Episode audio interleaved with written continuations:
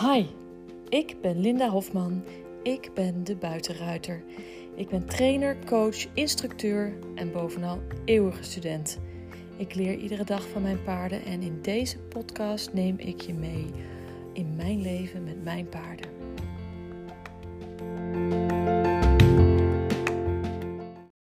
Goedemorgen, ik uh, ben mijn spullen aan het pakken. Ga ik gauw de auto in. Want ik heb vandaag een afspraak voor mijn tweede vaccinatie. Even kijken. Auto open. Zo. Opa. Ik heb lekker kopje pil mee. Hupsa. Here we go. Als ik deze vaccinatie heb gehad, dan mag ik gewoon weer reizen. Onder andere naar Duitsland. Dan kan ik voor het tweede deel van de cursus van Aeroshuttle op. Zonder dat ik eerst weer helemaal een uh, uh, hoe heet het, te doen. Uh, test hoef te doen. Het kost 90 euro per keer.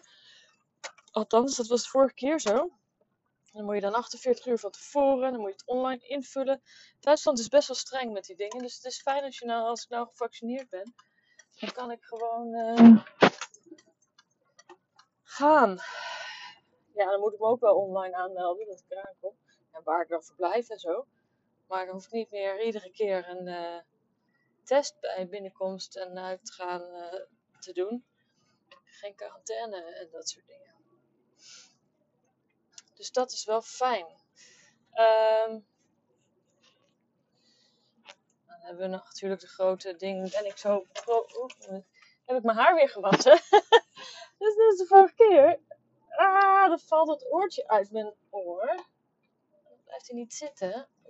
Oh, gezicht. Ah. Wacht even hoor. Ik moet even het oortje in mijn oor doen. Kom. Water in mijn oor. En dan blijft dat. Uh, blijft dat oortje van mijn telefoon niet goed zitten. Ik heb maar kleine, kleine oortjes. Alrighty. Oh, het is vooral de rechterkant die niet blijft zitten trouwens. De linkerkant blijft wel zitten. Nou, anyway. Ik uh, ga dus uh, op weg naar uh, de vaccinatielocatie. En ehm, even Um, dus dan krijg ik zo die, uh, zo die prik. Ik vind het helemaal niet leuk. Um, maar ik ben er ook niet echt bang voor. Ik vind het gewoon niet leuk. Ik hou gewoon niet van prikken in mijn arm. Maar ja, wie wel. Vorige keer ben ik wel uh, echt een dag niet lekker geweest. Maar uh, deze keer ga ik voor helemaal beter. Want ik heb gewoon lessen morgen. Dus uh, ja. Ik heb geen tijd om ziek te worden. Typisch natuurlijk, maar nee, ik heb er gewoon geen tijd voor. Uh, ik ben wel helemaal weer bijgekomen van het uh, ponykamp. En vandaag heb ik ervoor gekozen om. Uh, ik had één, alleen mijn bijrijder zou komen vandaag naar Lagos. Maar ik heb ervoor gekozen om dat even naar morgen te zetten. Um, zodat want ik moet haar de sleutel van de kast geven. Zadelkast. Maar dan uh, ga ik vandaag even niet naar stal. Gaan we gewoon eens even een dagje met mijn man op pad. We hebben iets leuks bedacht. Gewoon toeristen in eigen land. Een rondvaart door onze eigen stad. Hè, met de fluisterboten door. Dat hebben we nog nooit gedaan. Dus gaan we dat eens een keer doen. Even met z'n tweeën. En uh, hij heeft een 3D printer. Uh, en die kreeg, krijgt hij niet aan de praat. En dat schijnt best wel een ding te zijn. Om, uh, dat er best wel wat dingen mis kunnen gaan bij zo'n 3D-printer. En uh, als je print met uh, resin. dus dat ga ik hem. Hij zei: Lin, jij moet me even helpen. Jij bent, hebt meer geduld met dat soort dingen. Dus gaan we eens even kijken of we dat ding aan de praat krijgen. Want tot nu toe print hij wel, maar hij print op het UV-screen in plaats van dat hij op het dat beweegbare deel uh, op, de, op de plaat uh, print. Waardoor die dus um, alleen maar de eerste laag print en niet uh, groter wordt. Nou ja, dat, ik moet dat dus even uitzoeken hoe dat dan werkt. En, en wat er dan allemaal fout kan gaan. En waarom het dan fout gaat. Enzovoort. Enzovoort. Maar nu eerst op naar de Hansenhal voor die prik in mijn bovenarm. Uh,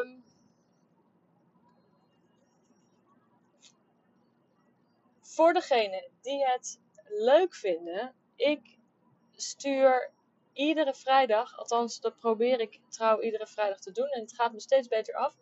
Een uh, ja, nieuwsbrief, inspiratiemail, even een update over de afgelopen week.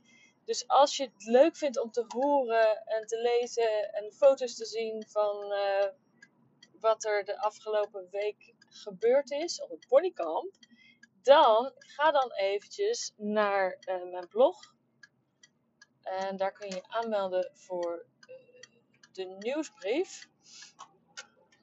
En of je kunt het via mijn website lindahofman.nl doen. Dus of via de buitenruiter.nl en dan nieuwsbrief. Even in, de, in het menu naar nieuwsbrief. En daar uh, je e-mailadres achterlaten.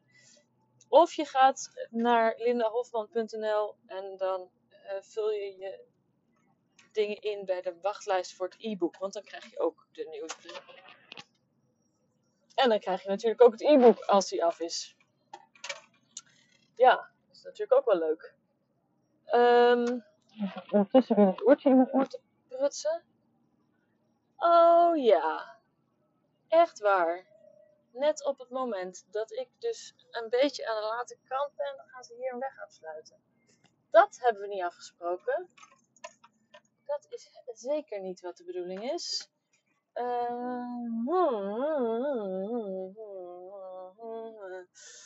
dat wil ik dus niet, want ik moet de andere kant op. Uh, nou, ga ik dus even omdraaien.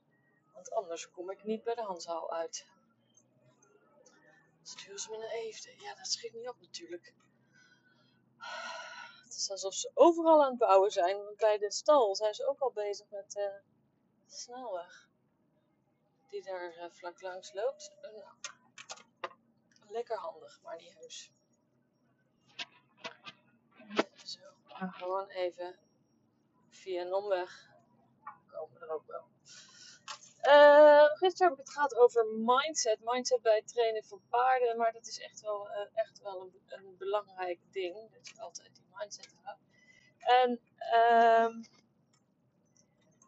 in de Ride Like a Viking uh, members groep. Daar kwam ik een vraag tegen waarvan ik dacht, daar zitten misschien wel meer mensen mee. Want um, daar werd de vraag gesteld: hoe krijg ik mijn paard nou aan de buitenkant van de cirkel? Als je met je paard loopt, dat je paard dan steeds toch weer de binnenbocht neemt. Hoe, hoe krijg je je paard dan dat hij de buitenbocht neemt? Hoe overtuig je je paard om dat te doen?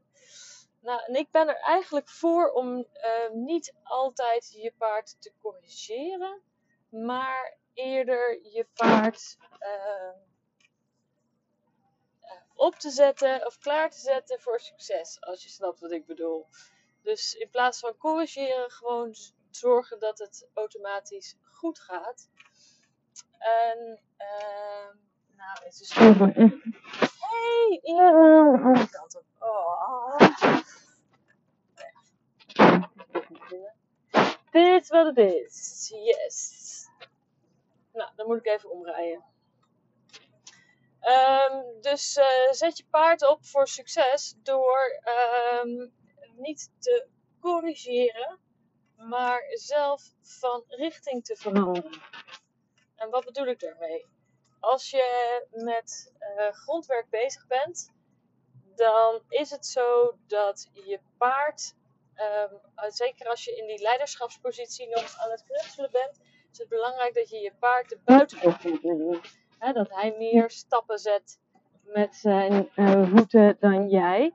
En dat hij dus de buitenbocht neemt. En door dat te doen, bevestig je daarmee jouw leiderschap, jouw dominantie, whatever. Hoe je het ook wil noemen. Het is niet op een, het is niet op een slechte manier, maar je geeft wel aan van luister, ik ben hier degene die de richting bepaalt en die de ander uh, vooruit duwt, zeg maar. Uh, die de ander voortbeweegt, opdrijft. En um, wat je dan doet, is als je loopt en je voelt dat je paard je inhaalt aan de binnenkant. Stel je loopt met een bocht en je voelt dat je paard je inhaalt aan de binnenkant. Dan zou ik niet gaan lopen wiepen en zwaaien. Zeker niet in het begin van je training. Maar ik zou uh, gewoon eventjes rechtsomkeerd maken. De andere kant op lopen. Um, desnoods, uh, uh, als je de, in de richting van de klok loopt, de draairichting van de klok loopt, dan zou ik even de andere kant tegen de klok in gaan lopen of zo. Ik zou echt eventjes um, van richting veranderen. Gewoon de andere kant op lopen. Zodat je paard dan automatisch weer aan de buitenkant zit. Dus wat doe jij? Je loopt, loopt, loopt, loopt, loopt. Paard wil je aan de binnenkant inhalen, binnenkant van de binnenbocht inhalen. Uh, net als een raceauto, zeg maar. en wat doe jij? Jij gaat niet door met die bocht. Jij uh, draait je hoofd en schouders en voeten weg van je paard. Dus draait niet naar je paard toe, je weg van je paard. En dan uh, loop je de andere kant op. Dan is je paard weer aan de buitenkant. En doordat je paard dan aan de buitenkant is, uh, heb jij je leiderschap uh, bevestigd zonder te corrigeren. En zonder dat op een vervelende manier te doen. En je kunt ook uh, op het moment dat je paard probeert in te halen, er een pente stop van te maken of wat dan ook. Maar soms is het door subtiel de andere kant op te lopen, is veel rustiger en minder heftig voor het paard. Geeft ook duidelijk aan dat jij de leiding hebt en jij ook de richting bepaalt. En dat je paard dan lekker de boodschap probeert te piepen in de binnenbocht. Maar dat hij daardoor alleen maar meer in de buitenbocht terechtkomt. Dus uh, dat lijkt mij de beste manier. Zeker als je net begint met het vaststellen van je leiderschap. Dus uh, ik hoop dat je hier wat aan hebt. Ik aan de slag. Geef je paard de buitenbocht. En ik ben aangekomen bij de hand en half. Oh, één minuut voor tijd. Helemaal goed. Ik uh, spreek jullie morgen. Alright, ladies. Doei!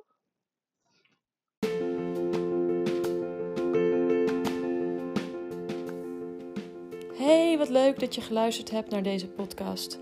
Wil je mij een plezier doen en een review achterlaten op een van de kanalen waar je deze podcast hebt geluisterd? Dat zou mij enorm helpen. Dankjewel, tot de volgende keer.